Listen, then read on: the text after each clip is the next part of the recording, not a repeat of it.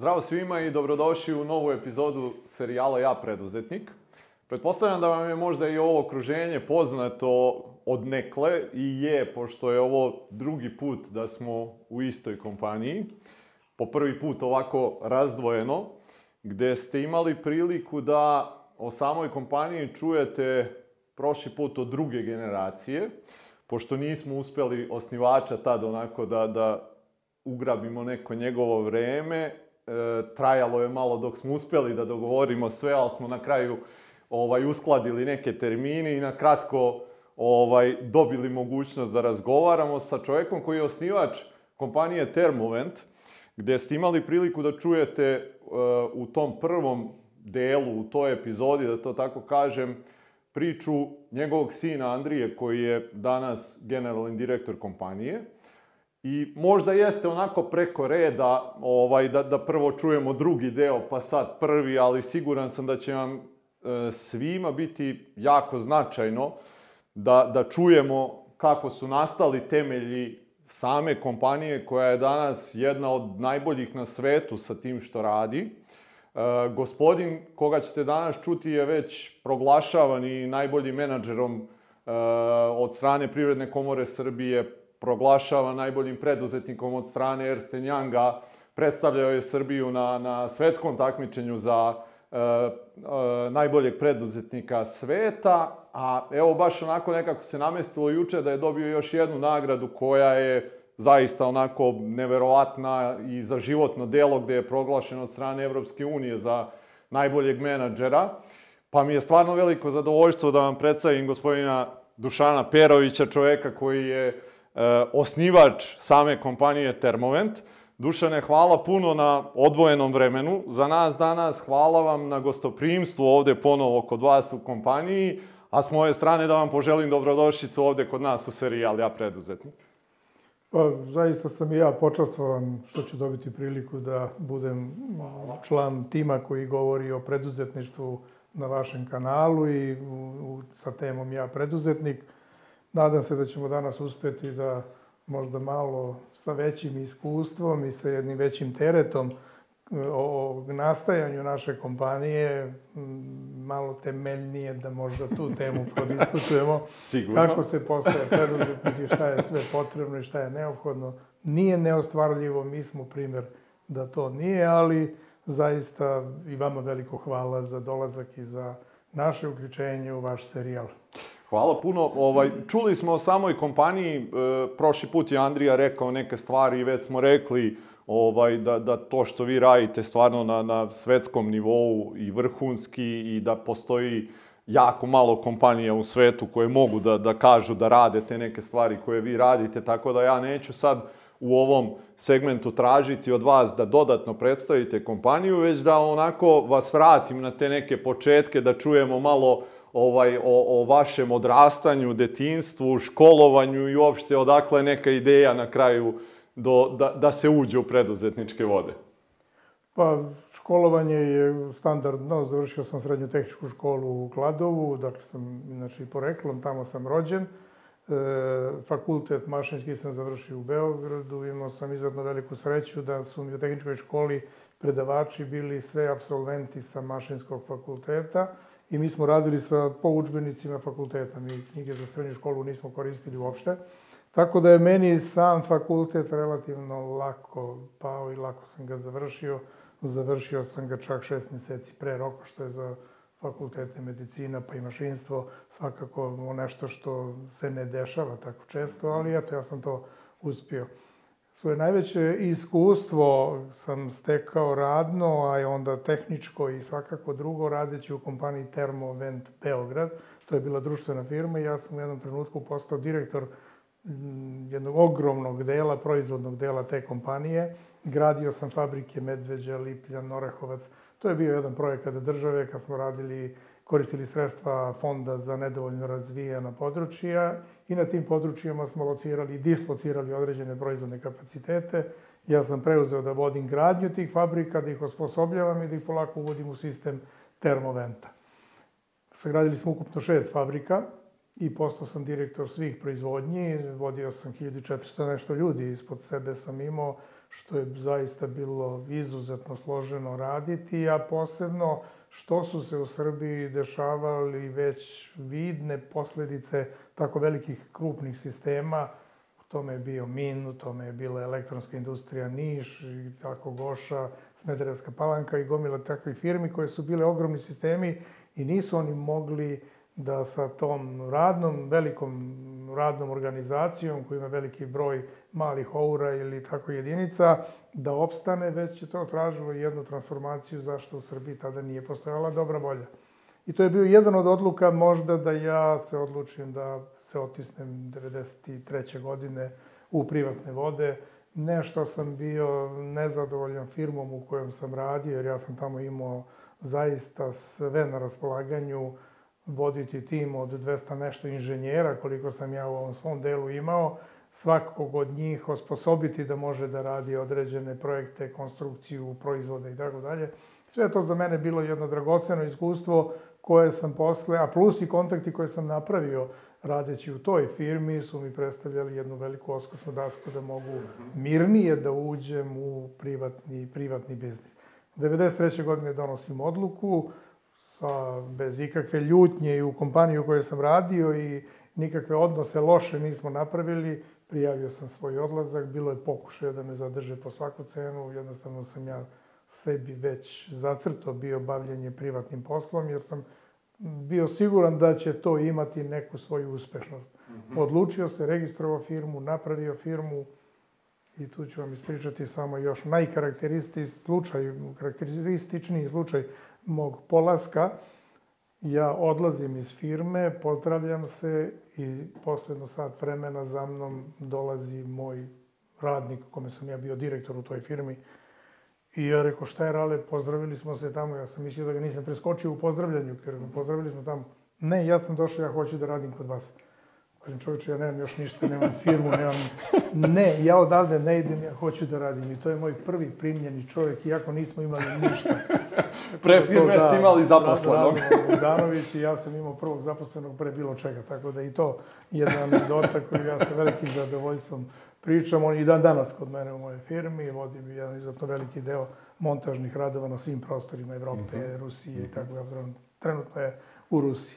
Dušan, ja moram da vas pitam, e, jako veliki broj ljudi koji se onako razmišlja da, da pokrene nešto svoje, uvek nekako kažu nije sad trenutak, čekaj, bit će ovaj bolje ili tako nešto.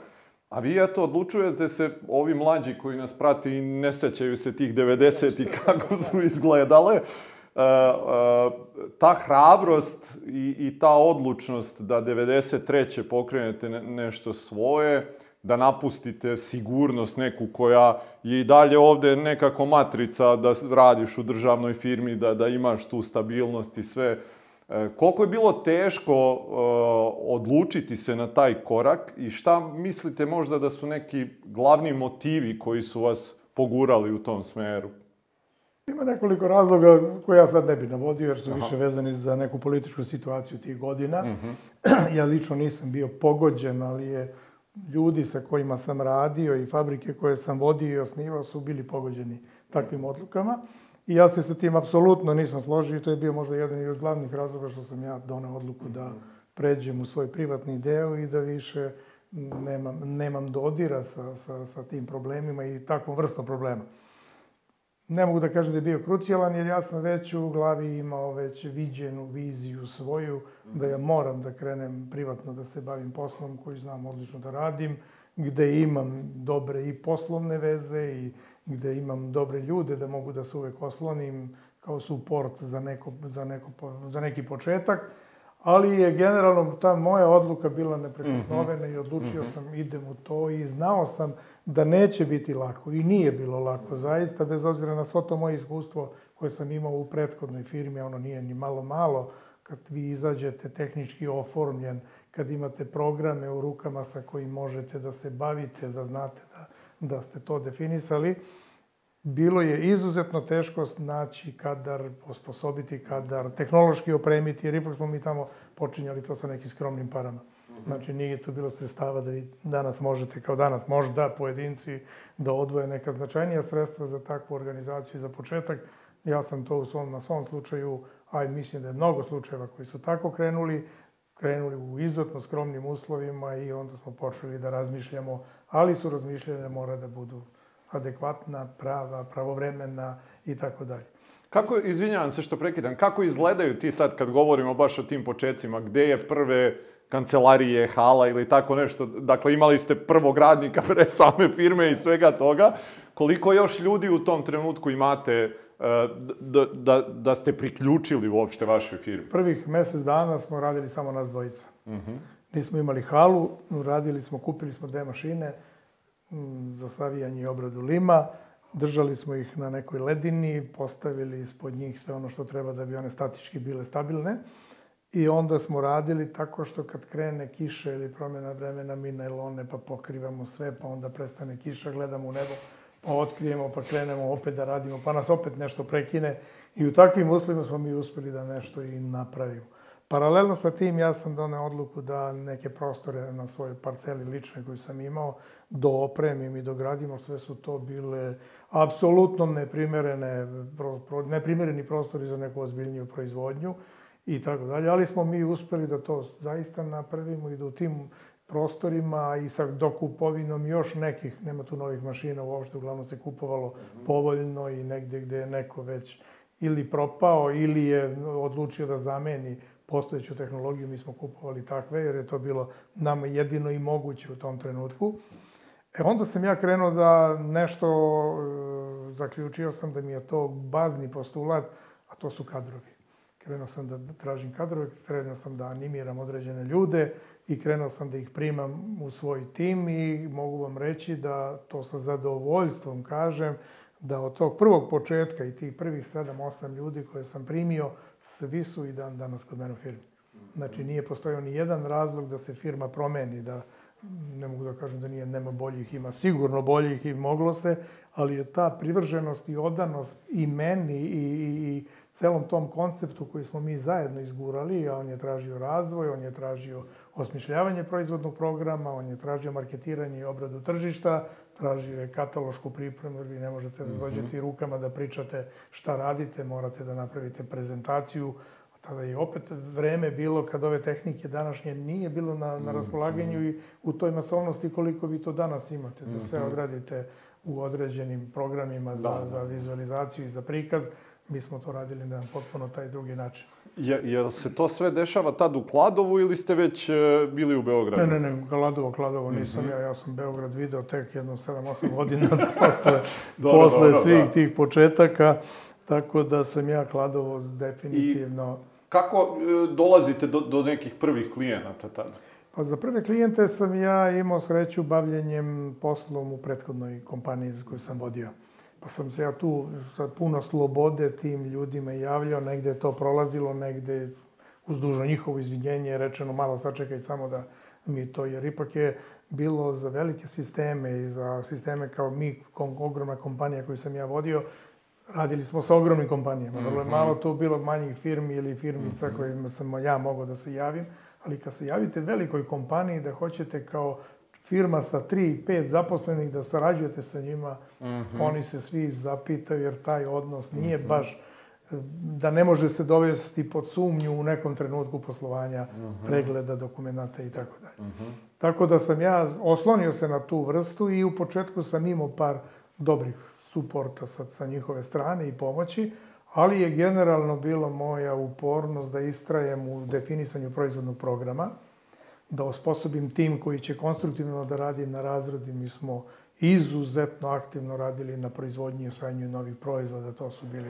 mm, jedna grupa centrifugalnih ventilatora, krovnih ventilatora i tako dalje. Sve to trebalo osmisliti alate, tehnologiju za njihovu proizvodnju, jer vi izlazite na tržište gde toga već postoji, ali je trebalo sad nekim kvalitetom, nekim performansama tehničkim tih proizvoda naći to svoje pravo mesto koje će, mhm. koje će vas mhm. dalje marketirati i omogućiti vam da vi dalje plasirate i prodajete svoju mhm. robu. Koliko je bilo značajno to iskustvo rada u eto tako jednom velikom tad državnom sistemu, državnoj kompaniji koja hiljadu i nešto ljudi, koliko su vam iskustva rada u tako velikom sistemu bila značajna kad ste i pokrenuli ono svoju firmu? Pa moja lična iskustva su bila ogromna, jer ja sam bio čovjek koji je radio i vodio gradnju svih tih fabrika. To su bila Medveđa, Lipljan, Andrijevica, Vrahovac, Brza Palanka.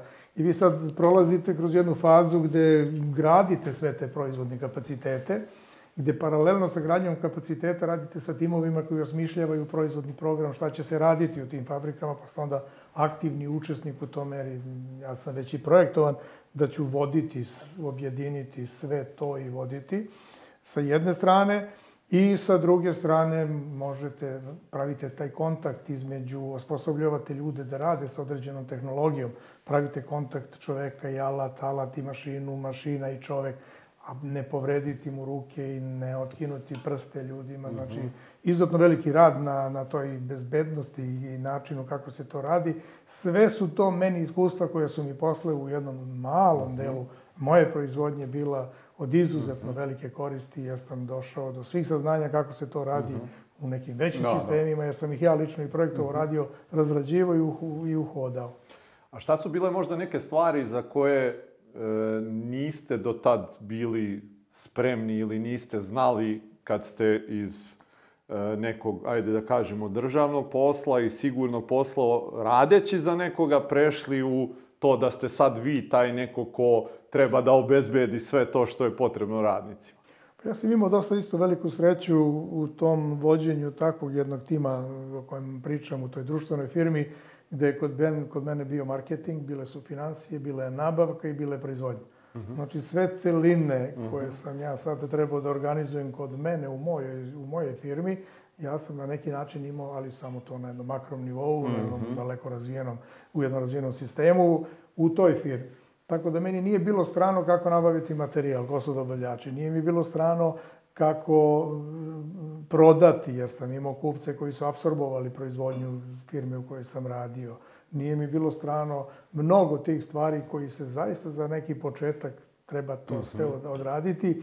I jedini nedostatak koji sam ja tada imao i problem sa koji mi je predstavljan, imao sam ga realnog, to je da nisam imao banke koje su me mogle pratiti, bez obzira što su mi svi znali da sam ja taj i taj iz te firme i da je, imaju puno poverenja u mene, ali svi parametri po kojima se radi ocena i donošenje neke odluke o kreditu ili -hmm. o bilo kom vidu pozajmice od strane banki i njenom učešću su bili veoma -hmm. restriktivni i tu nisam uspeo do, boga mi, nekih možda 4-5 godina bavljanja privatnim poslom da nađem prve banke koje su krenule da me prate i da, mi, da me servisiraju sa zahtjevima jer vrlo je teško odraditi ozbiljne poslove da niste naslonjeni na banku. To je mm -hmm. zaista nemoguće jer uvek trebate da premostite određene periode, a ja sa ponosom mogu da kažem, drago mi što su to i moji Miloš i Andrija nastavili, da Termovent je firma koja nema ni jednog jedinog dana kašnjenja u isplati ličnih dohodak. Mm -hmm. Znači, nikad plata nije bila mm -hmm. sa kašnjenjem, niti je bilo potrebe da mi sad nekom objašnjamo zašto nema plate. Plata mm -hmm. mora da se desi. Da li je to bilo iz bančenih sredstava, da mi povučemo kredit, pa zatvorimo, pa isplaćamo mm -hmm. plate, a mi onda sa bankama to dalje zatvaramo, mm -hmm. vraćamo, ili je bilo postulat da to mora da bude naša bazna obaveza, da se isplati plata, ljudi rade, ljudi zarađuju i ljudi moraju da prime nadležnosti koje im pripadaju svojim radom. Mm -hmm. Drago mi baš to, eto, što ste spomenuli taj deo što se tiče saradnje sa bankama i koliko je to važno da biste mogli da se razvijate na neki normalan način.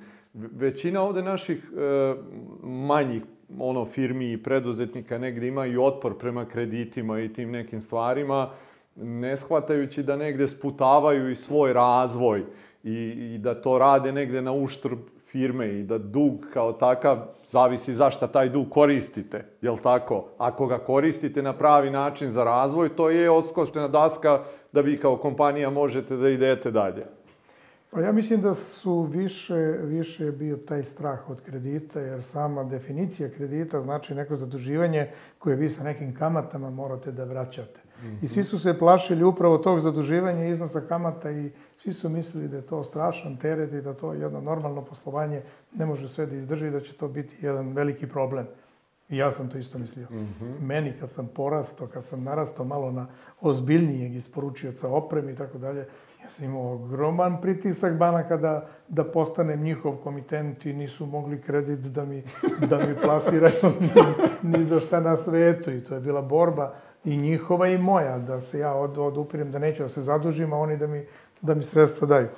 Međutim, kako rastete, onda zaista dolazite do jedne realne situacije, ali je to jedna druga faza bavljenja preduzetništvom mm -hmm. i biznisom, gde se vi to osvešćujete, shvatate da, da, da neke stvari ne možete da radite bez te poštapalice, jer imate dosta ugovora koji su lakše se dobijaju ako uđete hrabro bez avansa, ali onda računate na banku koja će da vam premosti taj period mm -hmm. koji je potreban da naplatite eventualno neke prve, prve privremene situacije, vratite kredit, nastavite dalje normalno da radite, imate materijale i vi proizvodite i na kraju posla vama fino mm -hmm. ostane neki planirana dobit koja je, koja je, koja je definisana. Mm -hmm. Malo pre ste spomenuli da, da ono, niste, kako ste rekli, 7-8 godina niste videli Beograd.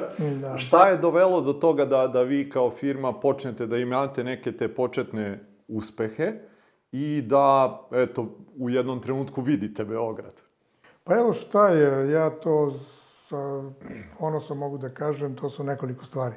To je prvo upornost, morate da budete izuzetno uporni izuzetno prisutni na svim manifestacijama koje vam omogućuju da svoj proizvod marketirate, prezentirate i da on postane tržišno verifikovan i da krene da se prodaje.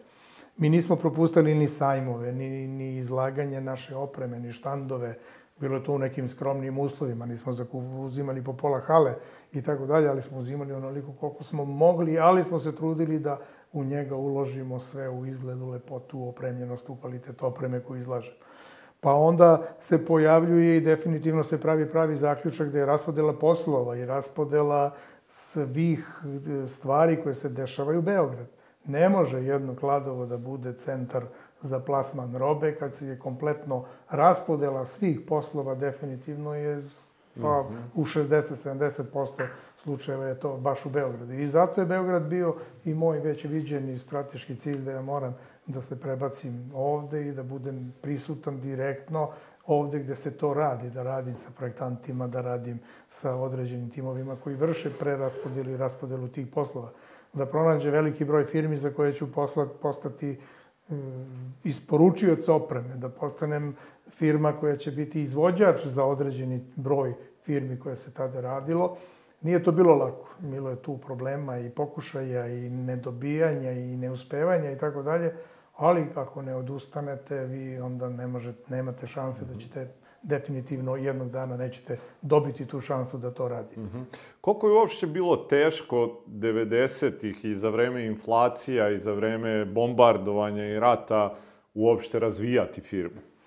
Pa pravo poređenje je, ja imam jednu svoju izreku i to svima govorim, kao da ste 45. otišli u Četnike. kraj rata vi idete u Četnike, tako sam i ja. 93. kad je sve već da, da, da. bilo nagovešteno da će biti jedno ozbiljno pomeranje u, u čitavom sistemu, da privreda i veliki sistemi propadaju u državi, Srbiji i tako dalje, ja sam tada otišao u firmu. Ja uvek sad kad to analiziram sa ove pozicije, ja mogu da, nisam baš siguran da nisam pogodio pravi trenutak jer se odjednom jedan veliki prostor ispraznio. Mm -hmm. Nestale su velike firme koje su proizvodile i koje su punile taj prostor i to tržište, a onda sam se pojavio ja, do duše skroman, mali i tako dalje, ali mi je to bila velika šansa da nadomestim sve te nedostatke i sa pokušajima i sa stvarno realnim programom koji sam imao, ali me onda i to teralo na izuzetno brzo razmišljanje kako firmu programski prestrukturirati i šta da postanu bazni proizvodi firme. Odustao sam ja i od ventilatora, zaključio da to nije, krenuo sam sa proizvodnjom klima komora, video sam da se tu otvaraju određeni prostori i da će to biti proizvod koji će moći dobro da se komercijalizuje i stvarno smo u tome i uspeli i to smo i napravili. Je li bilo na samom početku osnivanja firme možda da ste seli pa pisali neki biznis plan ili tako nešto ili je to sve bilo više onako usput? Biznis plan pišu ove mlađe generacije, a mi koji smo stvarali i bili u toj vetrometini preživljavanja -hmm. dnevno i da ne kažem mesečnoj, mi zaista se nismo, mi jesmo pravili neke planovi, planirali šta ćemo napraviti, jer morate da pravite plan šta sve morate da napravite, ako ne ništa drugo, ono bar kvantitativno Koliko mora da napravite da bi vam ostalo da isplatite troškove, da izmirite dobavljače i da budete prepoznatljiva solventna firma. Da se tu ne ugruvate. Jer i to je jedan od posledica e, novog biznisa i početka svakog ko krene u preduzetništvo. Ako naprave te loše reference, da ne izmiruju dobavljače, da ne izmiruju zaposleni i tako dalje, vi ste svoj biznis ugrozili vrlo ozbiljno i to moraju da budu postulati za svakoga ko se time bavi. Ja sam u tome uspio, zaista. E, kad, kad gledate sad taj neki razvoj početni firme, šta su možda nekad da li jedna ili više odskočnih daski onako koje su vam negde pomogle da sa jedne ono faze pređete možda na jednu višu? Pa ja ih imam nekoliko, zaista, a možda ću i sve da ih i nabrojim ako dozvoljavate. Ne, ne, naravno. Da, prva mi je bila ulazak i dobivanje posla u Hemofarmu. I taj Hemofarm je za mene predstavljao jedno novo razotkrivenje, jer sam ja, radeći za Hemofarm i sagledavajući šta sve njima tu treba i kako se to sve radi, sebi zaokružio u glavi da je to jedna od izuzetno interesantnih oblasti u kojima treba biti prisutan. Jer ja sam vidio da ja imam taj komplet koji mogu da radim za njih. Mogu da im isporučim, ajde, čiste sobe u tom trenutku još ne, ali klima komore, klimatizaciju, distribuciju vazduha, upravljanje tim sistemom, vidio sam da ja to sve mogu za njih da radim i oni su mi tu šansu u Hemofarmu i dali. Odradio sam jedan projekat, drugi projekat, treći projekat. Zaista smo to izuzetno briljantno odradili i to je bila jedna od možda kod mene prekretnica u kojoj oblasti da ja krenem da firmu malo više e, organizujem i u kom pravcu da se dešava. Zaključio sam onda da ima tu prostora i u Evropskoj uniji, iako je to bilo najgore vreme između pozicije Srbije u odnosu na Evropsku uniju. Vizni režim, mm. nismo imali sporazum o slobodnoj trgovini mm -hmm. i tako dalje. Ja sam rešio da ja prvo probam da vidim kako to izgleda i onda sam uporno, ja ne znam da li je to priča za, za knjigu Guinnessovu, 18 puta sam išao na koje kakve prezentacije po evropskim fabrikama farmaceutskim. Pričao, radim to, proizvodim to, referenca mi je bila hemofarm, ali mm -hmm. spominjao sam je uporno i objašnjavao šta sve možemo da im radimo i svi su oni meni onako lepo rekli, svidjela im se priča, ali su rekli, znate, vi dolazite iz zemlje koja je trenutno na po svim parametrima rizična za poslovanje, bankarski sistem urušen, nemate banaka, nema evropskih banaka u Srbiji i tako mm. dalje, da bi oni imali određenu sigurnost. Onda ja tu pravim looping, odlazim za Sloveniju i registrujem firmu u Sloveniji. Mm -hmm. Srbija i Slovenija su imali sporazum u slobodnoj trgovini i on nije prekidan bez obzira na ulazak Slovenije na mm -hmm. prostore Unije. Registrujem firmu u Sloveniji, registrujem se kod banke, ali mislim opet bez para, bez nekih realnih osnova da me banka prihvati, da me podrži. Ali sam imao već firma Slovenija, firma Slovenija nudi, Termoven Slovenija i banka mi je NLB bila banka iz Slovenije. I krenem ja onda sad opet u istu priču, ali sad samo pričam priču, priču iz Slovenije, da ih malo više približim mm -hmm. onako nekim realnim okvirima. I sve je to tako bilo u tim pokušima dok nisam došao do firme Sterop u Briselu ali sam tu došao na, na drugi način. Mene, pošto sam radio u hemofarmi, onda sam predložio jedno tehnološko rešenje da se promeni u odnosu na neke standarde u farmaciji i onda je to trebalo da da sertifikat i saglasnost GMP inspektor za FDI inspektor za, za celu Evropu, njih su bila samo dvojica. Jedan taj Ray je bio u Londonu, drugi je bio, ne znam, u nekom delu Evrope, nemam pojma gde. Ja napravim kontakt sa tim Rayem, on dođe u Srbiju, dođe da vidi to što sam ja uradio, on kaže ako ovo kad pustimo uspe, bit će zlatni standard farmacije.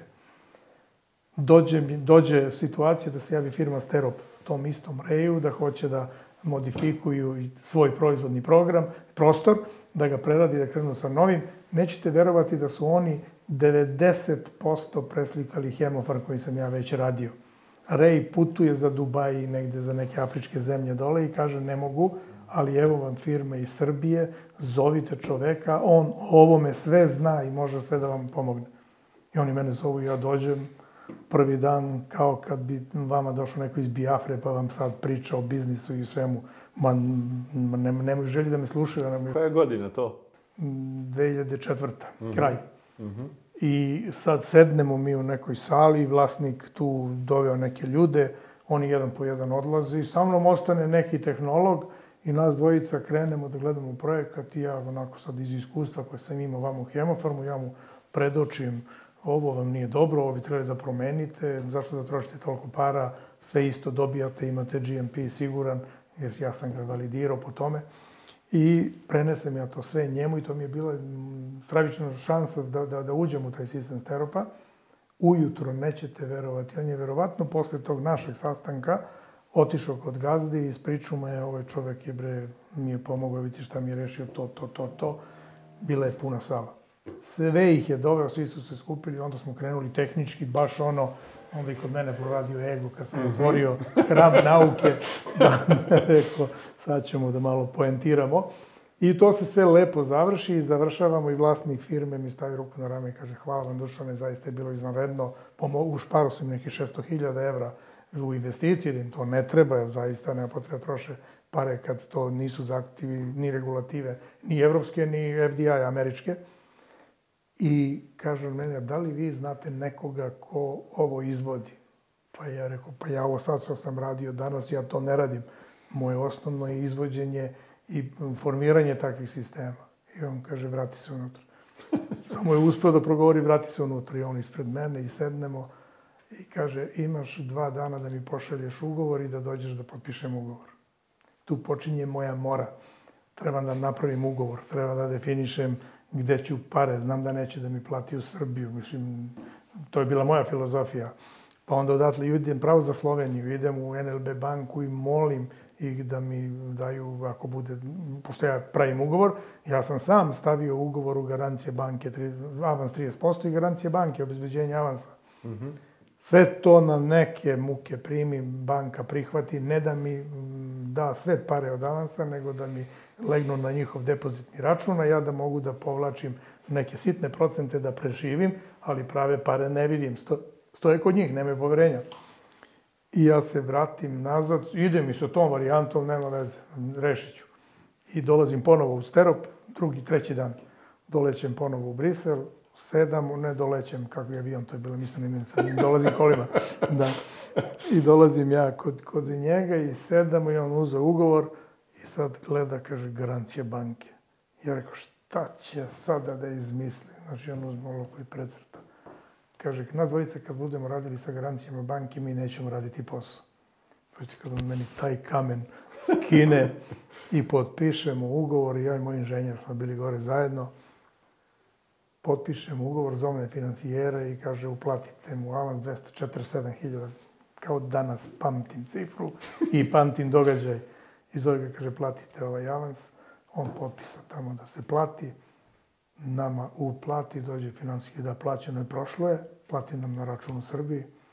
Nas dvojice izađemo, nama kolena klecaju od straha. Ne znamo ništa. Jednačina sa deset nepoznatih. Ni kako, koji su propisi u Belgiji, ni kako se radi, ni šta treba od, od, od, od nemam kako ljude da dovedem u Belgiju, a nemam ništa, znači jednostavno je bilo samo bolje da dobijem. Strah je čudo, mi smo uspeli da sve besprekorno organizujemo. Potrudio sam se da dođem dan pre dolaska kamiona i mogu vam reći da je i njemu laknulo kad je da ulaze šleperi sa robom ko veli dobro je, sad je to tu. I tako je to sve krenulo. Onda Koliko se... dugo je trajalo uh, vaš pokušaj da izađete na evropsko tržište, to što ste rekli, sve odlasci u te firme Tri i to? Godine. Tri godine, tri, tri je li godine tako? sam ja tu marao po celoj Evropi, Belgija, Holandija najviše, nešto malo je bila Francuska, jedna, dva projekta, ali generalno uglavnom Belgija najviše, pa Holandija, pa onda Francuska. Mm -hmm. Do prvog projekta. Nekako, i, i to je razlog uopšte zašto smatram da je važno ču, slušati ove početke. E, nekome sa strane sad kad, kad vidi ovaj Termovent ili bilo koju uspešnu kompaniju, to sve deluje onako i nedostižno i da to njima sve ide lako i da je to što oni nailaze na neke razno razne prepleke, ovaj, eto, specifično samo za njih.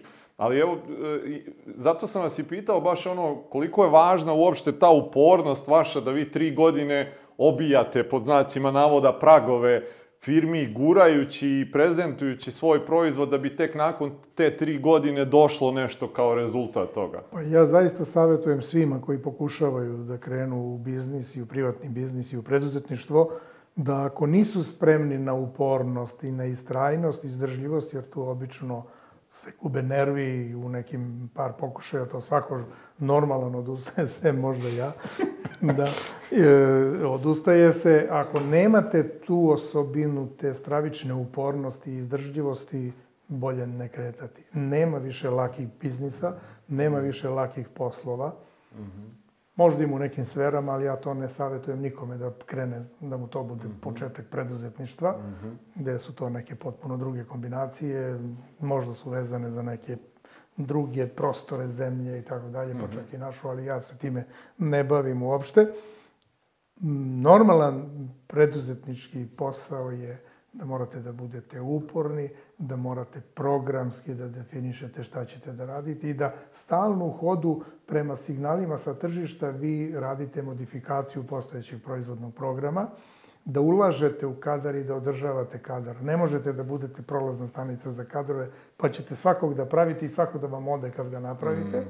nego morate da ih dobro organizujete, da ih dobro platite i da oni budu zadovoljni što rade kod vas i za vas mm -hmm. i da ostanu kod vas jer imate, vi imate najveće benefite. Mm -hmm. Svi su se meni čudili zašto ja mojim ljudima kad odu u inostranstvo, ja obezbedim devizne dnevnice, obezbedim najkvalitetnije smeštaje, vodećim monterima obezbedim sredstva da mogu da časte radnike za vikend, da kupuju, odu na pivo, svi su oni ljudi normalni, mm -hmm. bez, ali zabranjeno je bilo kakav incident ili bilo šta. Mm -hmm i izuzetno pristojne plate, pune plate u Srbiji, plus dodatke sve koji prate rad u inostranstvu i svi su mi govorili, dole, pa to je preskupo, pa to je previše. A onda kad sad vratite se na, na, na tu računicu, oni umesto da mi tamo 15 dana izmišljaju kako da ostanu i da što manje rade, oni odmah to razvale i završe za desetak dana, pet dana mi, už pričam sad hipotetički pet mm -hmm. dana, naprave mi projekat završen pre roka, naprave ga na zadovoljstvo klijenta i vi onda idete samo u projekat, u projekat. Mm -hmm. Klijent zadovoljan kvalitetom, klijent zadovoljan rokom u kojem je to završeno. Pazite, kad vi farmaceutskoj firmi, mi smo imali firme za kojima smo njihove projekcije, projekte i završetka sa tamo nekog perioda završavali po 5-6 meseci ranije. I kad on se na tržište sa preparatom pojavi sa tih šest meseci, da li znate koliko je to para u njihovim formatima, jer to su uglavnom mega, mega, mega varijante, koliko je to povraćaja već para za mhm. investiciju kad je vi završite pre i krenete. I to je možda jedna od naših najvećih referenciji koja -hmm. se nastavila u nekom srednjem periodu razvoja firme, bogom mi i danas -hmm. ne vidimo nikakvu razliku. Kad, eto, spominjali smo i tu upornost, pa me zanima šta su možda neke osobine, da, eto, recimo, je li ta upornost bila nešto vama prirodno od kad ste, ono, e, od uvek, I pored nje, jel postoje neke stvari na kojima ste vi sad lično kao osoba morali da radite, nešto da menjate ili neke nove navike da usvojite kroz taj početni negde i srednji razvoj same kompanije?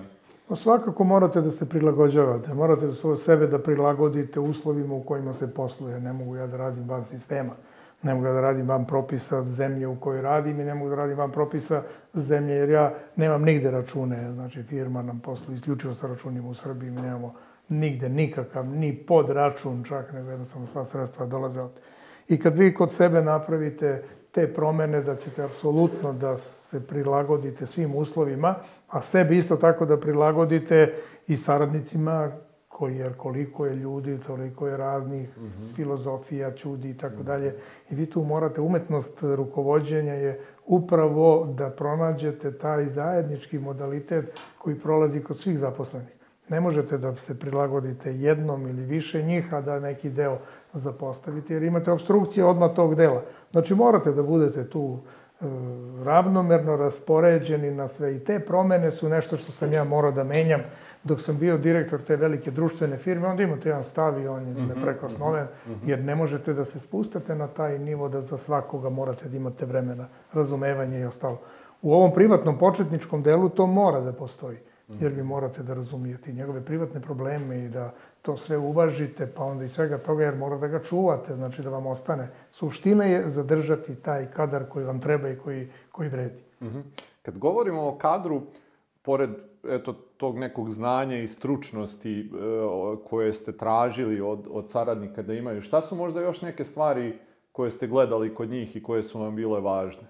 Pa to je ta odanost, odanost prema poslu i firmi, prema izvršenju zadataka i ono osnovno je zadovoljstvo klijenta za kojeg radimo. Znači ja mogu da budem zadovoljan i nezadovoljan, da li su oni dan, dva proveli više, manje i tako dalje, ali je to manji problem u odnosu na ono koliko je moja zahtevnost bila da klijent bude zadovoljan. Mm -hmm. Jer meni je zadovoljstvo klijenta stvaralo tu novu šansu za novi ugovor, za novi posao, za kontinuitet u toj firmi i to je bilo bazno na čemu sam ja sa njima radio, dogovarao se i mhm. tako dalje. Kad je firma krenula da raste uh, i u, nekim ono uh, većini slučajeva sami vlasnici, preduzetnici imaju problem dosta obaveza da delegiraju drugima, nekako žele da sve konci imaju u svojim rukama. Jel vama značilo to što ste radili možda u tako nekom sistemu da, da, da lakše puštate to negde u, u vašoj firmi? Ne, zato što su sistemi i vreme u kome sam ja radio u tim sistemima mm -hmm. bili sistemi gvozdene, gvozdenog rukovodđenja mm -hmm. i tu nije bilo baš mnogo, mnogo puštanja, jer je jednostavno tako ceo sistem svih preduzeća funkcionisu. I te naše navike iz tih e, prethodnih firmi nisu bile navike koje je trebalo bezuslovno preslikati u novom mm -hmm. biznisu koji je krenuo da se bavi. Posebno kad vam se biznis razvije do nekih formata i dimenzija, da vi postajete već onako malo ušvoren, kako ja to kažem, da vam se obaveze prepliću i da niste uspeli da to delegirate na veliki broj izvršioca kako bi samo izvršenje bilo daleko, daleko bolje. I preduzetnici to vrlo teško osjećaju. Mm -hmm. Znači, vi kad ste me pitali koje su to prekretnice firme, ja sa zadovoljstvom kažem da su mi jedne od važnih prekretnice veliki ulazak u najveću korporaciju sveta Pfizer, da počnem da radim za njih. Mislim, ja u svakom tom ulasku mogu anegdote da, da, da ispravim. Rado da ih čujem.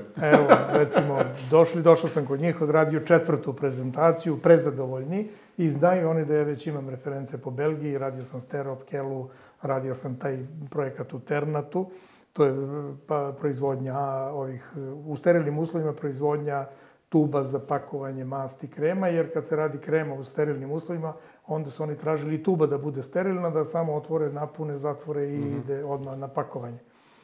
I ja sam to odlično izveo i onda sam otišao, to je na 40 km od centrale Pfizer od Bursa, otišao kod njih i prijavio da sam završio projekat, da imam toliko komora, da imam BMS, da imam sve, sve, sve komplet kanale, sve moje. E, kaže, super, jel možemo sutra nas četvoro glavni menadžer i još njegov tehnički tim da odemo da vidimo, može. I mi smo ušli, je onako puno srca da krenem da objašnjavam šta sam tu uradio, kako sam to uradio. Oni kažu, molim, samo vi ostanite ovde, sačekajte nas, znamo mi sve, šta ćemo da gledamo i šta nama treba. Oni su dva sata proveli u tom mom pogonu, koji sam ja napravio, to, ta proizvodnja za, za, za tube gledali, gledali, gledali i onda su, kad su završili, prišli mi i rekli su, Dušane, ili imate vremena da odete sa nama do Pfizera? Mi imamo neke primjedbe koje moramo da vam kažemo, koje morate da odklonite na klima komorama i na tako nekim delovima. To bi bio uslov kada otklonite da možemo da računamo na vas da radite za Pfizer. I još što ću, mislim, posle tolikog uloga odmah u kola iza njima, oni predavnom, ja za njima, sednemo 28 primetbi su mi izdiktirali na klima komorama koje sam ja proizvodio i isporučio čak i za taj objekat. Da sam ja trebao sam da sednem, kao čovjek koji je konstruisao komoru, koji je napravio komora ne znam koliko, ja ne bi znao tih 28 stavki sve tako taksativno da poređem, nisu to bile krucijalne, nikakvi problemi.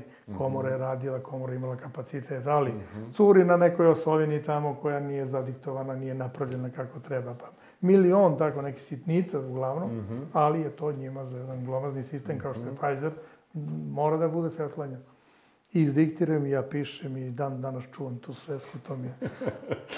ja pogledam 28 stavki. A već dao ponudu za neko njihovo razmeravanje koje je tu bilo na klackalici, da li ću da dobijem ili ne. I ja siđem, ja rekao, ok, javit ću vam se vrlo brzo. I ja siđem dole u hol, zovnem mog direktora proizvodnje i kažem mu uzmite tehničku dokumentaciju i tehničku kartu. Mi to zovemo klima komore koju smo nudili za Pfizer za, za razmeravanje. I uzmi olovku i piši. I ja mu sad diktiram, nemam vremena, ni to bila tehnika, to mu sad Mm. skeniram. Da, Ovo, da. Diktiram i on piše, piše, piše i rekao, napravit ćete mi tu i tu komoru za tri dana. Znači, za tri dana, kako god znate, pravite je, ne zanimate me šta sve treba da uradite, napravite mi je, ali sa svim ovim otklonjenim primjedbama. Nemojte jedna da ostane, zadavit ću vas, mislim, tim rečima, bukvalno. Znači, nemojte da mi to uradite ni slučajno, jer nemate ni jedan razlog, ovo nisu krucijalne primjedbe, mi sad treba menjamo konstrukciju, tip, ne znam, motora, tip, ne znam, sve je to bilo odlično, ali je trebalo to malo doraditi. I rekao, trpate, stavljate to u kombi i javite mi za četiri dana da je kombi krenuo za Pfizer.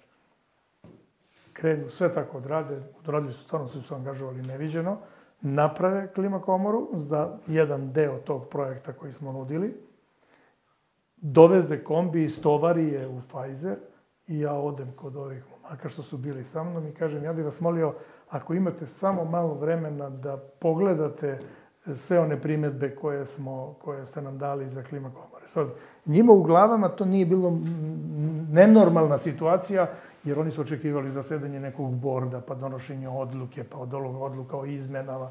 On deve mi, ja rekao, gospodo, ja sam napravio klima komoru sa izmenama svih o, po spisku koji ste vi meni dali. I oni siđu, a sad ću rekao ja vas da ostavim, da opet ne smetam ja vama. A evo vam spisak ako hoćete da, da pogledate, da, da biste vi znali šta ste mi dali kao primjedbu. I oni se vrate i kaže, ajde u drugu salu za potpisivanje ugovora. Potpišem prvi ugovor i tako je krenuo Pfizer. Koja je godina to sa Pfizerom? To je bila 2005. je bio Sterop, Pfizer je bio negdje 2000, imamo negdje zapisano to deveta, valjda tako. Osma ili 11, ne 11, 2011. Mhm. 2011.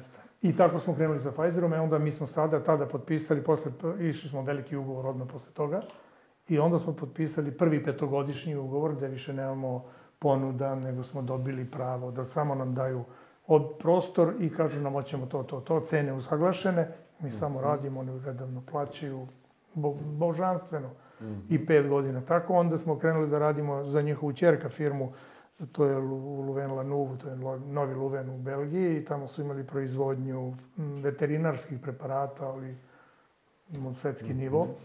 I onda smo krenuli i u toj kompaniji, u tom njihovom delu smo i dan danas ekskluzivni. Ne postoji ni jedna druga firma koja im radi i komplet sve radimo mi, završavamo i to je već, boga mi, deset godina, tako, kod njih.